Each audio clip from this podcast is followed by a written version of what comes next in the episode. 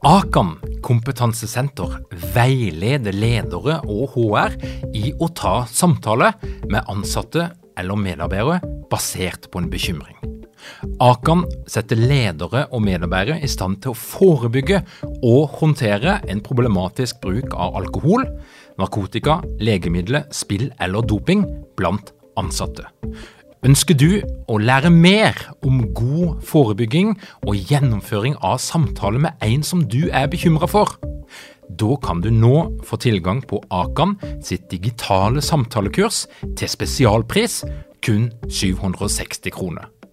Målet med kurset er å gjøre deg tryggere i det som kan være en krevende, men viktig samtale å ta i lederrollen. Du får tilgang til kurset med å gå til samtalekurs.no, samtalekurs.no, og bruke kampanjekoden LEDERPODDEN. Tilbudet gjelder ut april.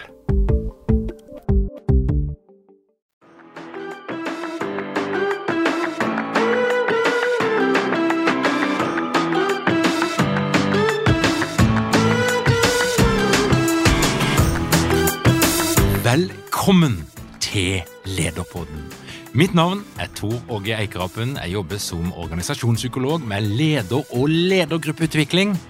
Og mitt navn er Andreas Sødal Marstad, og jeg jobber også med leder- og ledergruppeutvikling. Og dette her er en podkast om ledelse. Og til tross for at det vi jobber aller mest med når vi ikke lager Lederpodden, er lederutvikling, så har vi altså så langt ikke hatt en egen episode om lederutvikling. Men her er han. Men først skal du få et par ord fra Ellen Holt, tidligere deltaker på lederprogrammet, som i dag jobber som leder i Sveko. Ellen, var det verdt det? Ja, det er skikkelig kult, faktisk. For den følelsen sitter jeg Det er så eh, tydelig for meg at det her angrer jeg ikke én krone på. Så jeg kjørte jo full pakke. Ambisiøs og personlighetstest og alle moduler. Og jeg har hatt så god nytte av det. Jeg jobber jo med mennesker. eh, Masse mennesker. For jeg jobber også parallelt i mange prosjekter og dealer mye med mellommenneskelige ting og tang. Så jeg har fått veldig mye av lederprogrammet i form av konkrete verktøy. Og jeg satte også veldig pris på de breakout roomsene, hvor jeg fikk eh, på en måte kjørt meg litt da, i kleine situasjoner med andre.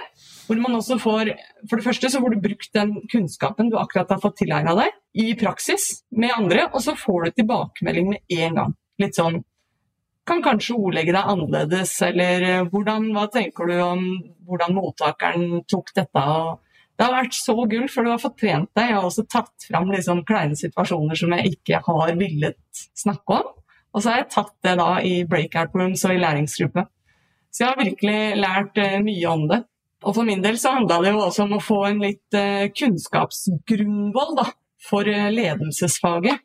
Og jeg har fått nyvunnen respekt for at ledelse faktisk er et fag. At det er veldig mange ferdigheter som man kan lære seg. Og som vi har hørt også fram til nå, at det altså er veldig viktig å øve. Så jeg, jeg, har fått masse å øve på, og jeg får praktisert det med en gang. Det har vært så deilig. Da kan vi rett og slett bare begynne med Tor Åge, hvordan blir man en god leder? Oh, det er et stort spørsmål, og da tenker jeg at det er viktig å si at det er fullt mulig å bli en god leder uten å gå på et lederutviklingsprogram. Altså, det finnes folk som, som, har noen talenter, eller kanskje de har hatt en mentor, eller kanskje de har hatt en egen leder som de har gått litt sånn i skole hos, fått tilbakemeldinger, blitt trent, hatt et forbilde, eh, som gjør at de har funnet en, en, egen vei til å bli en god leder. Så jeg tipper jo at for, for mange så er det en ganske eh, eh individuell pakke av erfaringer en har hatt, eh, andre mennesker en har fått lov til å lære av, eh, kanskje blanda med, med, noe som er litt mer formelt og strukturert. Hva er det sånn da at man er født som god leder, eller er det noe man blir? Oh, det er jo et sånt kjernespørsmål. Født sånn eller blitt sånn. Altså, Nå har jeg ikke sett på den oppdaterte forskninga, men, men, det er noe gammel forskning som sikkert er veldig forenkla, for det er det ofte hvis det er sånn 70-30 Eh, men det sier vel noe sånt som at 30% av de egenskapene som gjør deg til en god leder, er medfødt. Det kan handle om personlighet og andre type egenskaper, eh, men 70% handler om trenbare ferdigheter. Så det er jo den gode nyheten, at ledelse, i likhet med mange andre fag, i, likhet med andre ferdigheter, det er trenbart hvis du ønsker å, å gå den veien. Og hva er god ledelse? Oh, ekstremt vanskelig spørsmål. Uh, jeg tenker god ledelse, Hva som er god ledelse, det, det, er ulike ting i ulike kontekster. Og det er Et typisk skille som vi ofte eh, møter på, det er jo eh, skillet mellom å være en, en, leder som er veldig god til å starte nye ting, mm -hmm. typisk en, en gründer, Eh, eller en, en, ansatt leder som bare skal etablere noe nytt eller eh, innovere. Eh, mange vil tenke at det er noen egne egenskaper som kreves for å være en god leder i en sånn type sammenheng, mm. og at det er noe annet enn de egenskapene som gjør deg til en god leder, hvis det du holder på med, ligner mer på drift Altså at mm. en skal gjøre ting relativt likt fra dag til dag, og organisasjonen er satt og etablert, og systemene og rutinene er på plass. Mm. Eh, så jeg vil jo si det der utrolig kjipe psykologsvaret det kommer an på. Mm. Eh, og, en annen ting som er vanskelig i dette her feltet Vi skulle ønske at det var, det var sånn at du kunne lese ut ifra regnskapet om eh, det er en, en god leder eller ikke. Mm. Og i noen tilfeller så, så, kan du kanskje det. Altså, det er jo noen som mener at iallfall på eh, Hvis vi tenker på, på eh, mer statistisk nivå, så, så, er det en sammenheng mellom ledelse og økonomisk resultat. Mm. På den andre sida så vet vi at det er konjunkturer, det er ting som skjer ute i markedet som en leder faktisk ikke kan kontrollere. Og det er jo mm. litt av diskusjonen knytta til lederlønninger og, og uh, fotballtrenere som må gå.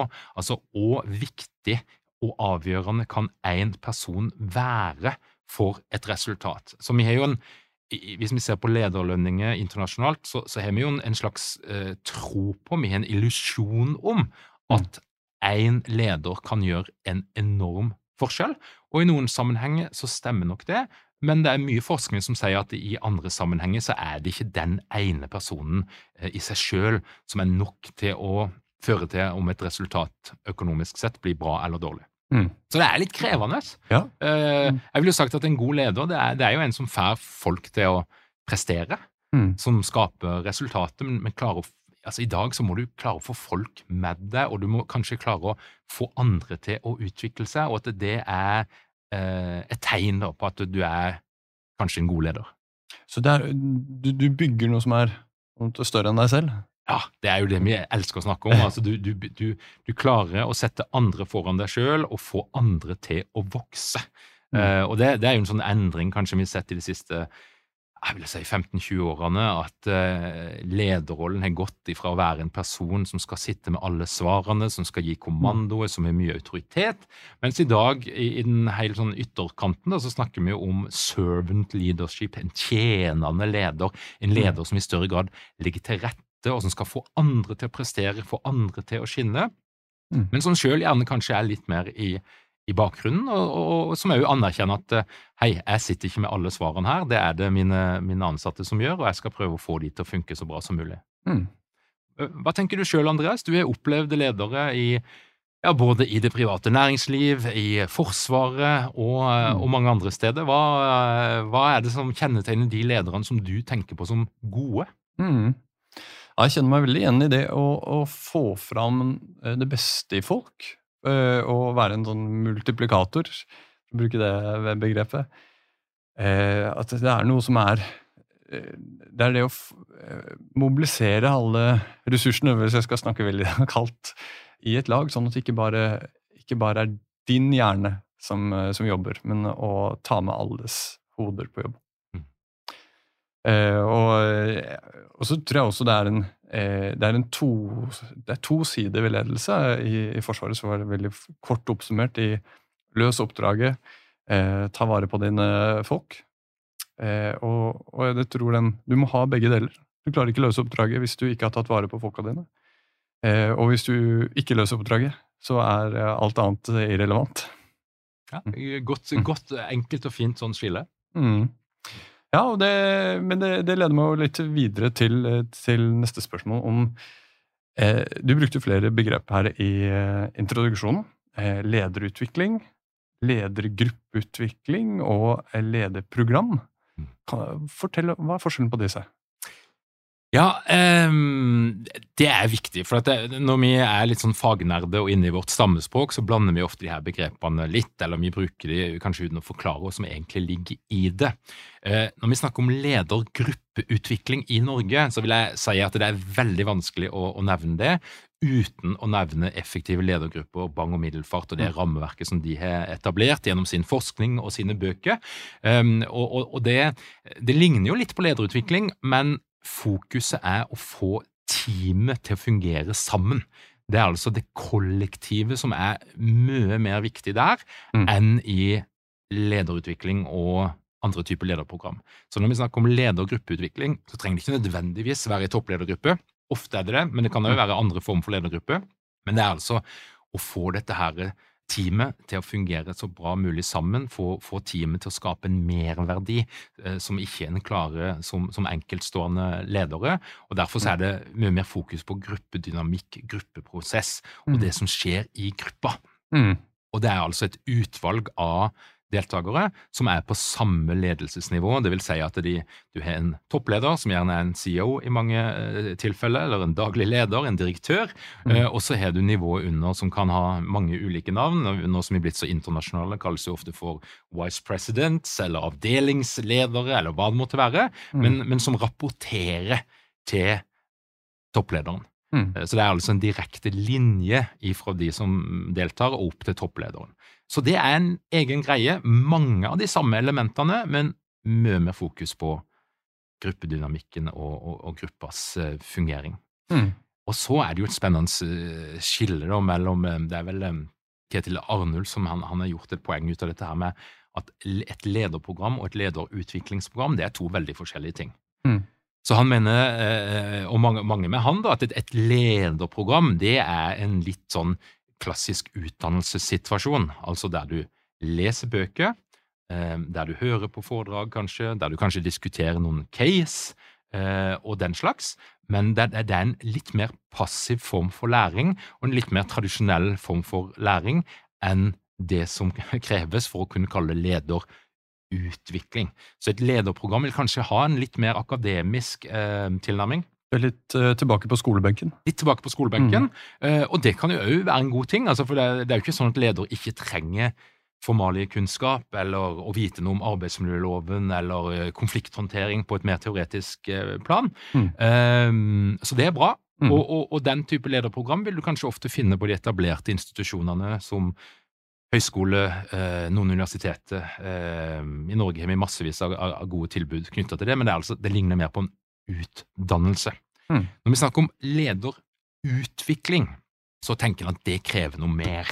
Mm. Eh, og det, det, høyeste målet når en driver med lederutvikling, det er jo endring av atferd. Mm. Det er jo det vi ser etter. Eh, eh, altså at en leder gjør ting på en litt annen måte, tenker på en litt annen måte mm. Enn vedkommende gjorde før uh, hun eller han starta på programmet. Mm. Uh, og Det ligger altså et element at uh, hvis det er ekte lederutvikling, så skal du bli i større grad personlig utfordra. Mm. Du skal bevege deg på en eller annen måte, og mm. det betyr at en bruker ofte virkemidler som er mer krevende på et personlig nivå. Du må engasjere deg mer, du må forplikte deg mer. Det kan jo være type personlighetstester, det kan være tilbakemeldingsøvelse, det kan være andre ting, men, men, men en forventning da, om at gjennom et lederutviklingsprogram så skal du flytte deg litt, både som leder og mm. som menneske. Så det tenker jeg er hovedforskjellen. Mm. Uh, og så er det jo en del ting som faller i, i, imellom her, og, og, og, ting kan ligne litt uh, på hverandre. Mm. Uh, men det er veldig sånn hovedskillene mellom de tre mm. ulike formene for ledertrening. Ja. Ja, så der, det, Her er jo mye å ta tak i. Det ene er jo med ledergruppa. Jeg tror mange som har opplevd å, å ha vært på et uh, program eller et kurs, så kommer de tilbake, så er det en, den eneste som har lært dette her, og, og prøver det. Da, da kan det strande litt. Det er, veldig, det er, et kjempegodt poeng, Andreas. For eh, det handler litt om hvordan får du effekt av mm. denne type tiltak. Eh, og, og, når vi snakker om lederutviklingsprogram, så er jo ofte det noe som innbefatter ledere på flere nivåer i en organisasjon. Når vi snakker om ledergruppeutvikling, ja, da er det den definerte ledergruppa, eh, eh, med kanskje en toppleder og, og, de som rapporterer til toppleder. Mens når vi snakker om lederutvikling, så er det vanlig at det der kan det være ledere på ulike nivåer, og som ikke nødvendigvis har så mye med hverandre å gjøre, mm. som deltar. Altså det, det, er litt mer individfokusert. Mm. Har vi tid til en anekdote? Jeg, eh, ja, for jeg, jeg, har vært i eh, denne situasjonen, hvor, og det tror jeg mange med meg har vært, hvor du har vært ute og lært et eller annet, så kommer du tilbake, og så strander det helt. Så i studiene så eh, var jeg en eh, Så tjente jeg litt penger på si ved å være i Forsvaret. Så hadde jeg akkurat vært på en, en øvelse med veldig ydmyk og fin gjeng i Marinejegerkommandoen. Hvor etter øvelsen så har de en sånn debrief og da er det sånn at eh, troppssjefen begynner med å ta selvkritikk. Og når eh, han begynner å si hva han eh, kunne gjort bedre, så, så skaper det en psykologisk trygghet, som Bård Finn snakker om på lederprogrammet. Og det gjorde at det var, det var helt naturlig for alle å, å, fortelle om noe de kunne gjort bedre. Og da ble det ingen pekefingre. Så et par uker seinere var jeg tilbake i Heimevernet, som jeg også jobba litt i ved siden av studiene. Og en litt mindre trygg kultur. Folk som ikke jobber eh, sammen til vanlig. Eh, hvor tilbakemeldingsrundene som regel var å peke fingre. Så da tenkte jeg nå skal jeg, skal jeg prøve å ta med dette nye jeg har lært, og starta med å si ja, jeg må bare beklage, eh, fordi kartgrunnlaget jeg ga dere, det var ikke godt nok for den første delen.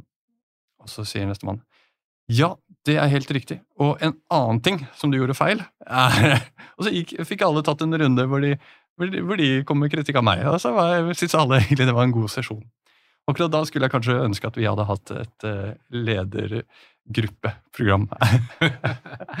ja, det er, en veldig god illustrasjon. Og det, eh, og det var jo egentlig det du, det du uh, spurte om, er jo dette her fenomenet med gå aleine på denne type utvikling versus å, å, å, gjøre det som en del av, av, noe som hele organisasjonen gjør, eller alle ledere gjør.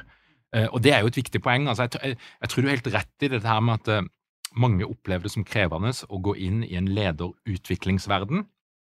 Og så kommer du tilbake til organisasjonen din, og så er du den eneste som har sett lyset, mm. og som har opplevd alt dette her fantastiske og lært noe.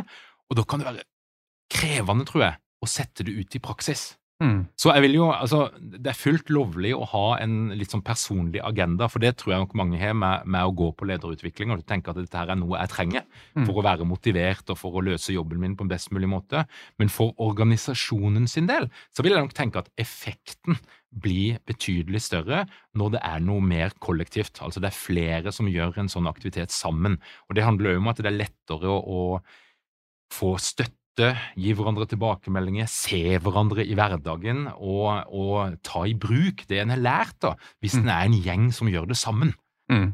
Uh, så det tror jeg er et godt poeng. Og i den sammenhengen her, da, når du gikk inn i, inn i Heimevernet, hvis, hvis, hvis, de folkene du jobber med der, hadde vært igjennom noe av det samme, mm. så hadde de nok forstått at det var uh, ikke bare et poeng at alle skulle peke på det her.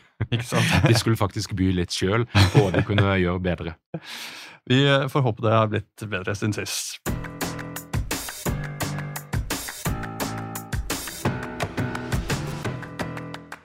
Du snakka om at i et lederprogram så får alle den samme pakka. Eh, mens i eh, lederutvikling så er det mer skreddersøm. Kan du fortelle litt mer om den, eh, hvordan man tilpasser det til hver enkelt? Ja, eh, hvis vi da tenker at eh, altså et, et, et, et, lederutviklingsprogram kan jo foregå uh, utenfor organisasjonen, altså at det er et program som, der flere kan delta. Som i vårt tilfelle så har vi lederprogrammet, bare for å gjøre det enda mer komplisert med alle de her begrepene.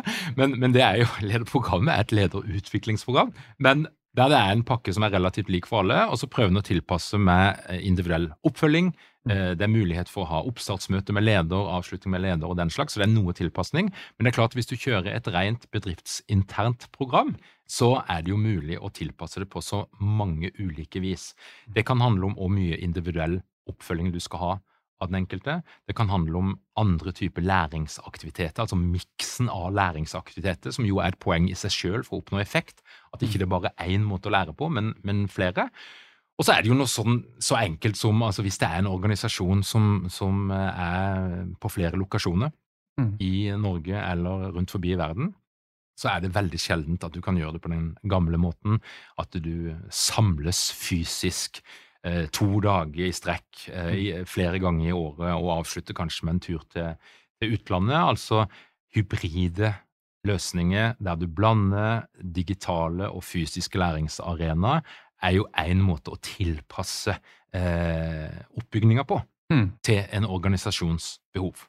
Ikke sant? Så det, det, passer både for de som har, har, alle på ett sted, og de som er mer spredt. Ja, og så er det jo altså dette her med at du, du i et bedriftsinternt lederutviklingsprogram eller i et lederutviklingsprogram versus et lederprogram, så vil du nok bli mer personlig utfordra. Det tenker jeg er et mm. kjennetegn på et godt lederutviklingsprogram. Det er at du på en eller annen måte opplever at du blir sett, det blir forventa noe av deg, og du må mm. gi litt av deg sjøl.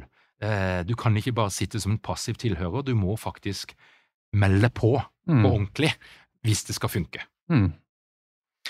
Og du nevnte jo personlighetstesting eh, innledningsvis. Det, det, er jo en av de tingene som eh, jeg kanskje har blitt med både utfordra, som du sier, men også litt sånn eh, oppløfta av. Eh, hvordan bakes det inn i et lederutviklingsprogram? Ja, nå vet jeg, nå tviler jeg på det alle som gjør det, men vi er det som en sånn standard i våre programmer at skal du jobbe med deg sjøl som leder, skal du flytte deg, skal du utvikle deg, ja, da trenger du òg selvinnsikt. Mm. Så, så det, det, er, det, er, ikke nok å lære teoretisk kunnskap eller se filmer på YouTube, lese bøker, høre podkaster. Du må søke eh, informasjon om åssen virker du på andre, kjære mm. leder. Det er viktig. Eh, og det er jo mye forskning som forteller at måten ledere opplever seg sjøl på, og måten de blir opplevd av andre på, der er det ganske stor forskjell. Eh, enorm forskjell.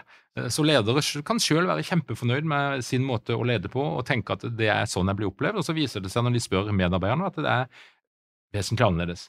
Men personlighetstester det er en veldig effektiv måte mm. å få økt selvinnsikt. Mm. Det er jo ikke sånn at du blir knalloverraska som regel når du hører resultatet, mm. men du får satt det inn i en litt annen kontekst. Du får noen litt andre begreper for å forstå deg sjøl og hvordan du virker på andre. Mm. Eh, og hvis du scorer veldig høyt på et eller annet, og du har medarbeidere som scorer veldig lavt på noen, så er det en, en viss sjanse for at der kan det ligge noen spenninger som, som du skal være litt bevisst på. Mm. Um, så det handler ikke nødvendigvis om at du skal få selvinnsikt for å endre din personlighet. Mm. Det tror jeg ikke så mye på. Men det handler om en økt bevissthet på åssen virket er på andre, og vi kan jo snakke faktisk om noe så fancy som at du får litt økt evne til mentalisering. Har dere mange ledere uten trening eller utdannelse innen ledelse? Mangler dere en felles kultur og praksisforledelse? Ønsker du dere å være bedre rusta for fremtidig vekst og endring? Da kan et internt lederutviklingsprogram være ei god investering. I Execu så er vi eksperter på å designe og gjennomføre bedriftsinterne lederutviklingsprogram. Hvis du ønsker å lære mer om hvordan vi kan hjelpe dykken til å få enda bedre ledere, ta og klikk deg inn på execu.no.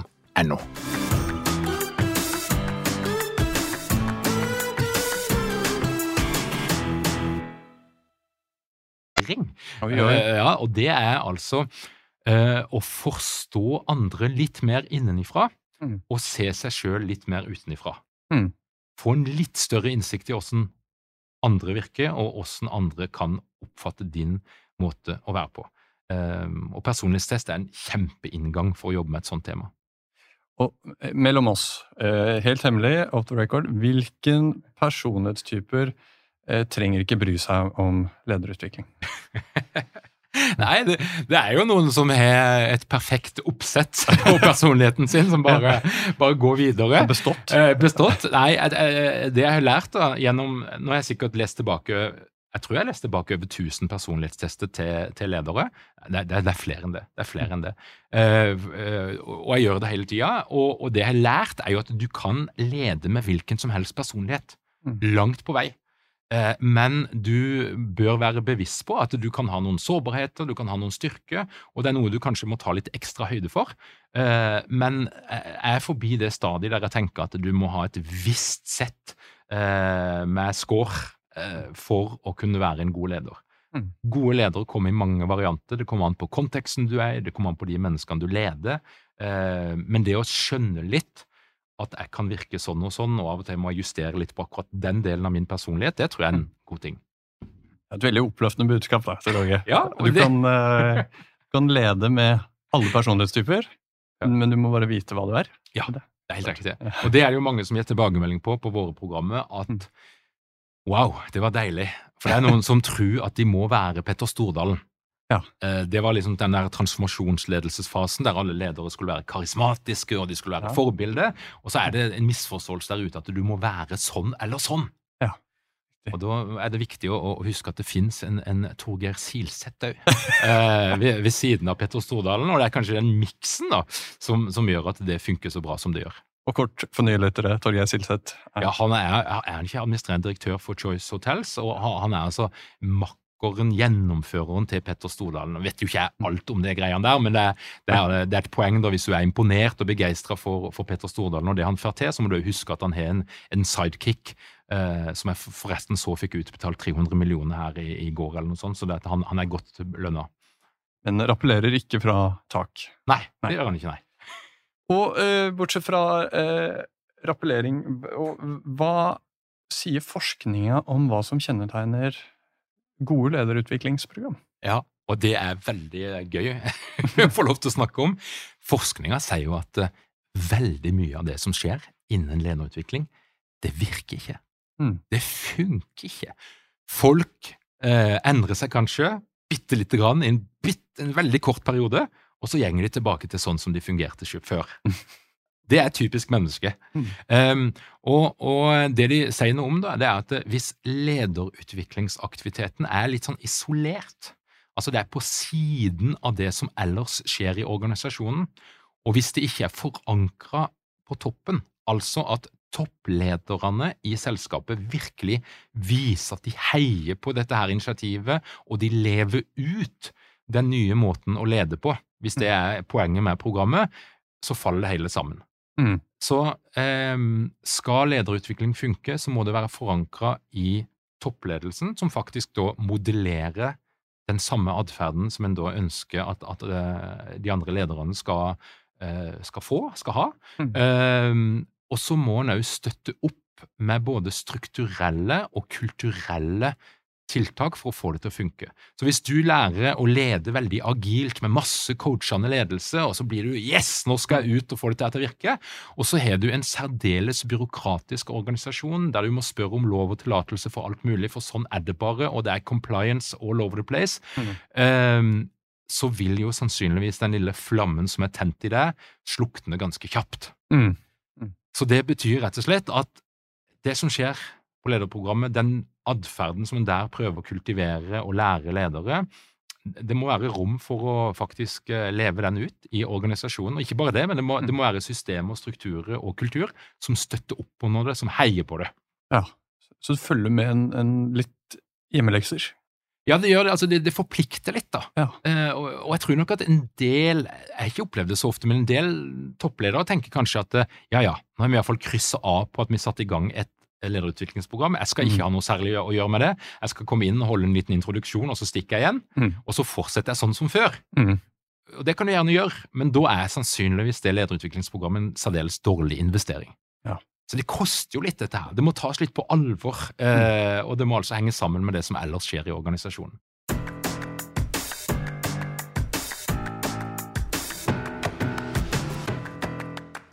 Hva annet er det som kjennetegner et godt lederutviklingsprogram? Ja, Nå fikk jeg jo lyst til å gå inn da, i, i hvis, jeg, hvis, jeg, skal komme med syv ting som kjennetegner et godt lederutviklingsprogram. Det er, det jeg elsker sånne lister. Hvis jeg begynner helt på toppen, så tenker jeg jo at det er lurt at det er definert noen tydelige læringsmål for programmet. Hva skal du som deltaker sitte igjen med etter å ha gjennomført dette her programmet, som gir en viss retning?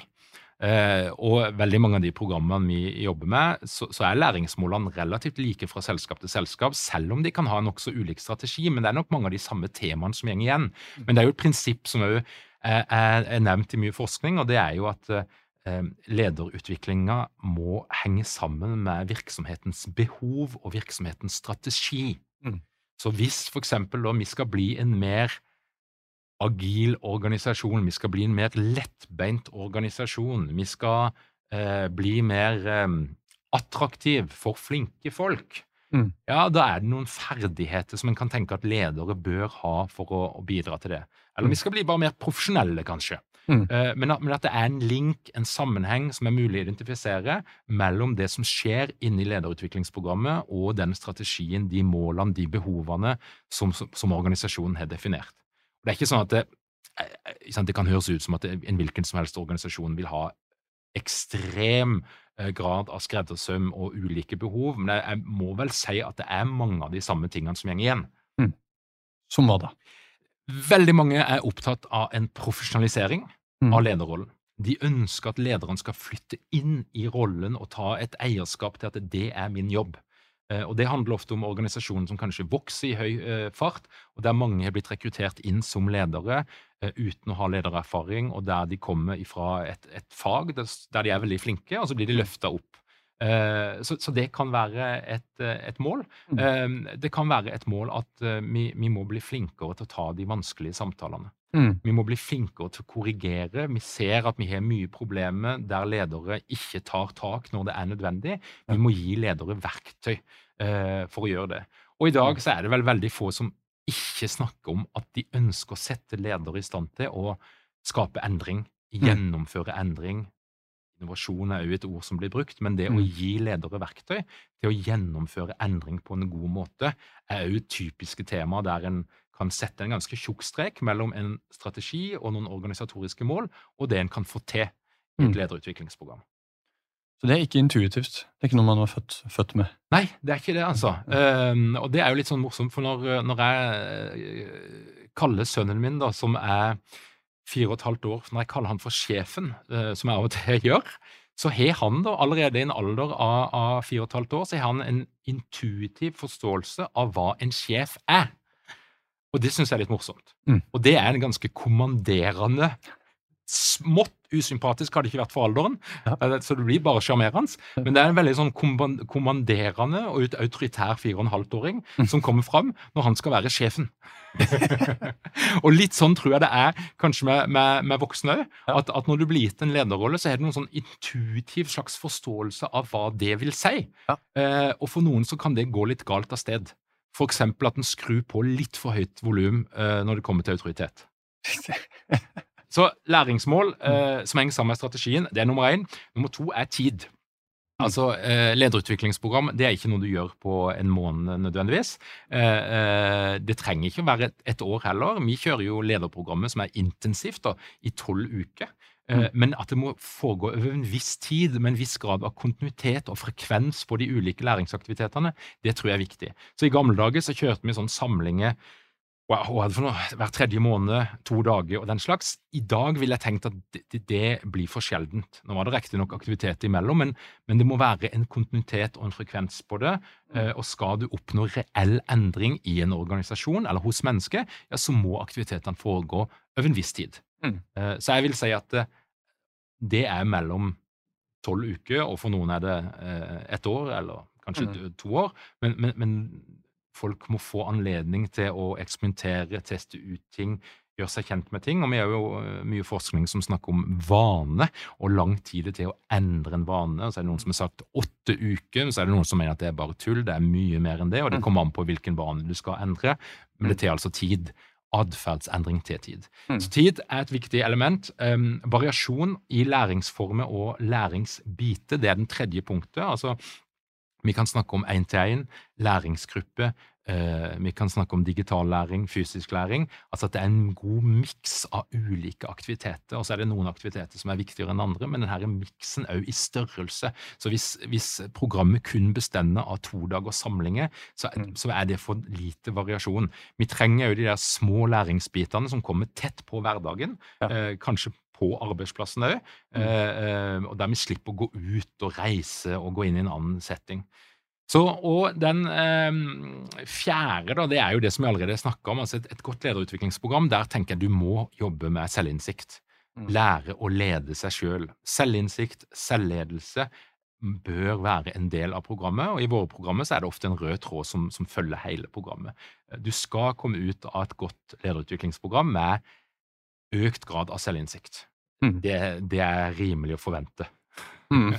og du skal gjennom f.eks. å være en del av en læringsgruppe, så skal du få tilbakemeldinger eh, som du ellers ikke ville ha fått. Ja. Så det tenker jeg er jo litt av vår jobb når vi fasiliterer og lager lederutviklingsprogram. Det er å lage arenaer der folk er trygge nok til å kunne gi hverandre tilbakemeldinger som de ellers ikke ville ha fått. Ja. Så det er en uh, selvinnsikt-biten. Det er uh, det femte elementet. Sosial læring.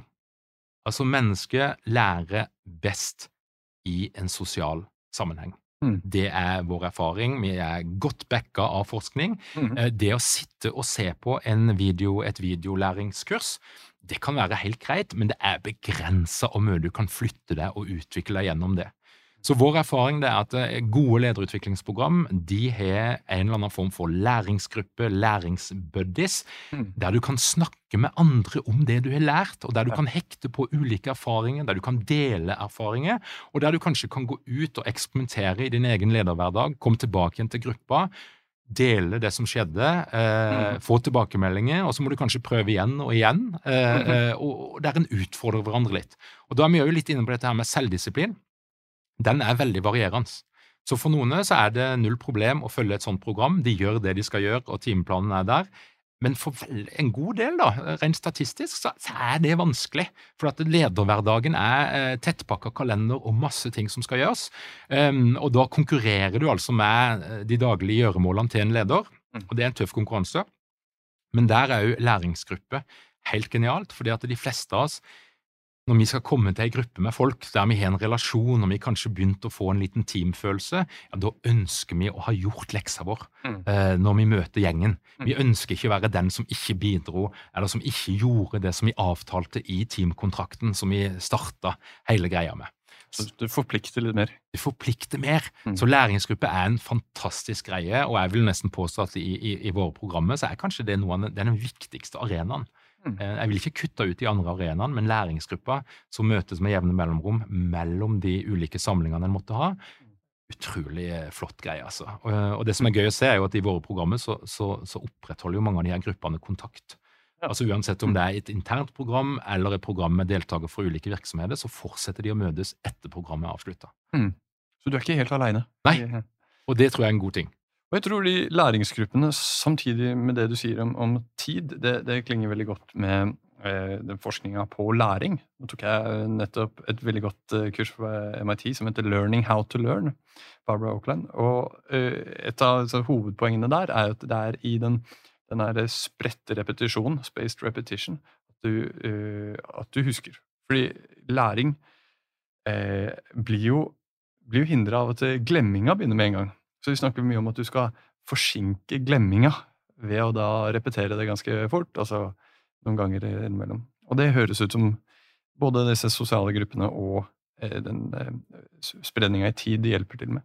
Ja, det er helt riktig. Og der vil jeg si at det, digitale har kommet og hjulpet oss veldig. For det er klart klart, I gamle dager så reiste du hjem fra ledersamling med en eller annen perm, og den skulle du ha på nattbordet. Tønes har til og med en egen sang om det. Seminar Blues. Mens eh, når vi da jobber eh, med hybride programmer, så kan du f.eks. se alle eh, workshops kan ligge i opptak inne på læringsplattformen. Alle presentasjonene, alt ligger der. altså Det er mm. enkelt å repetere, det er, det er enkelt å ikke glemme. Mm. Eh, og det er en av fordelene med å, å kjøre hybride programmer fremfor rent fysiske. Mm. Men vi har mer, og, og vår erfaring eh, det er jo at ledere trenger litt teori. Det, det, er, det, er, bra, og litt forskning og skjønne litt sammenheng og hvor ting kommer ifra. Eh, kjempeviktig. og jeg tenker jo liksom du kan, du kan kreve at lederutviklingsprogram at det er forskningsbasert. At mm. ikke en, en snakker om at dette her er min erfaring for at jeg har holdt på nå i 40 år altså erfaringsbasert. Ja, noen ting kan godt være det, men jeg tenker i, i, våre dager så forventer vi at det som presenteres, det er valid, det er hold i det, og en kan referere til at dette her er mer eller mindre bevist gjennom forskning. Mm. Og så forandrer forskninga seg hele tida, så det er ikke sikkert det er sant om fem år. Mm. Men, men, uansett, Gullet er jo trening på ferdigheter. Mm. Og det er kanskje der lederutviklingsprogram skiller seg fra mer akademiske lederprogram. Fokuset på ferdigheter, trening, terping på Mm. at du skal gjøre noe på en annen måte. Og det er ubehagelig når du skal teste ut og gjøre ting på en annen måte, spesielt når det gjelder kommunikasjon og lederatferd. Eh, Mm. så kjenner en at det er litt sånn smertefullt å legge fra seg den gamle vanen som en er så glad i. Mm. Eh, Så det er litt smerte i et godt lederutviklingsprogram. Eh, Men, men vårt fokus er iallfall ferdigheter som du kan ta med deg ut i din lederhverdag og trene på neste dag. Det er liksom målet. Eh, For den teoretiske kunnskapen, den, eh, den er bra, men, men, men det er ikke praktisk nok, da. Mm. Eh, Den siste tingen som, som kanskje vi mm, ikke snakker like mye om alltid, men det er betydninga av energi. Mm. Jeg tror veldig på at eh, humor, begeistring eh, og, og, og det å ta energi inn i rommet når en driver på med de her tingene, er kjempeviktig. Altså Det må ikke være kjedelig og dølt. Det må ikke være sånn at du er mer demotivert når du kommer ut av en samling enn når du gikk inn. Det skal være motsatt. Det skal være et frikvarter i hverdagen, det skal være noe du gleder deg til, eh, og det skal være noe du syns er morsomt, og der du, du utnytter de sosiale mulighetene som ligger i at mennesker møtes, ulike Mm. mennesker møtes. Så det er, jeg tror det er det åttende prinsippet.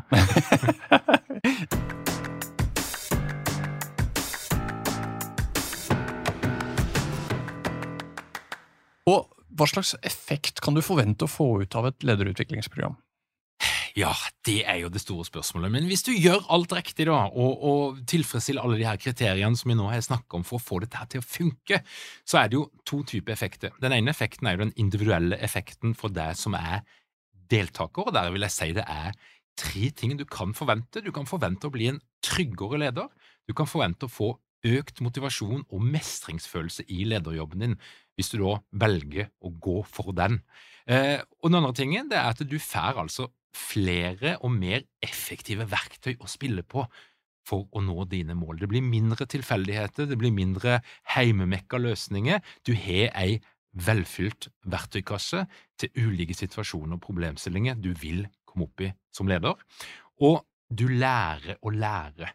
Og med det så mener jeg at du får eh, selvinnsikt, du får noen teknikker som gjør at det er lettere for deg å tilegne deg nye ferdigheter og gå inn i den type prosesser i framtida.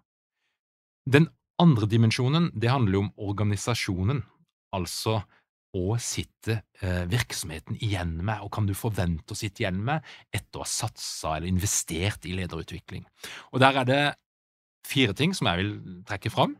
Eh, organisasjonen vil øke sin evne til å gjennomføre nødvendige endringer en, hvis en da velger å gi lederne den type kompetanse. Nummer to, lederne får praktiske verktøy til å utøve ledelse på en mer effektiv og profesjonell måte. Jeg tenker at Lederutvikling er ofte en del av en profesjonalisering.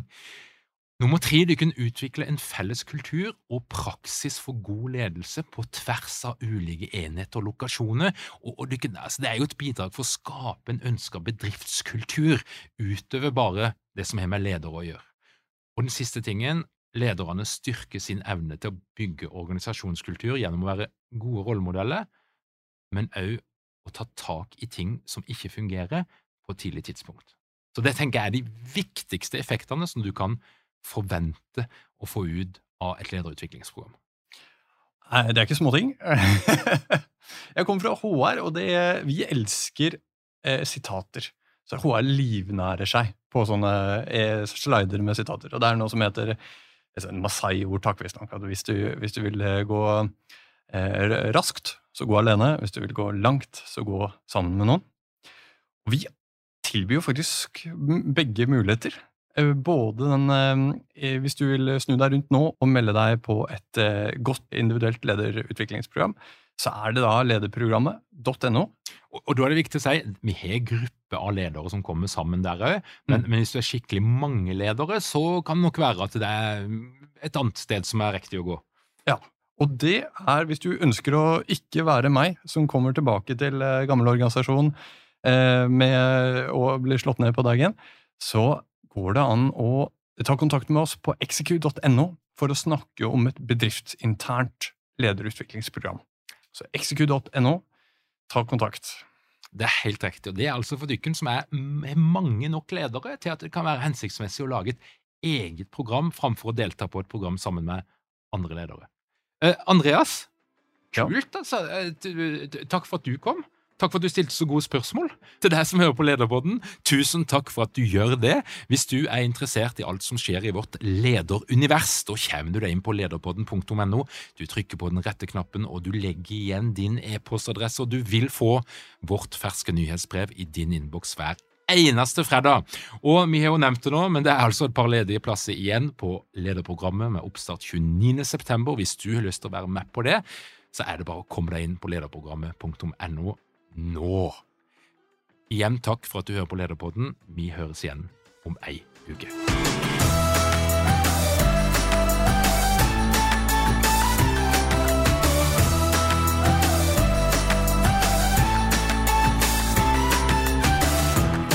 Lederpodden er gitt til deg av Execu.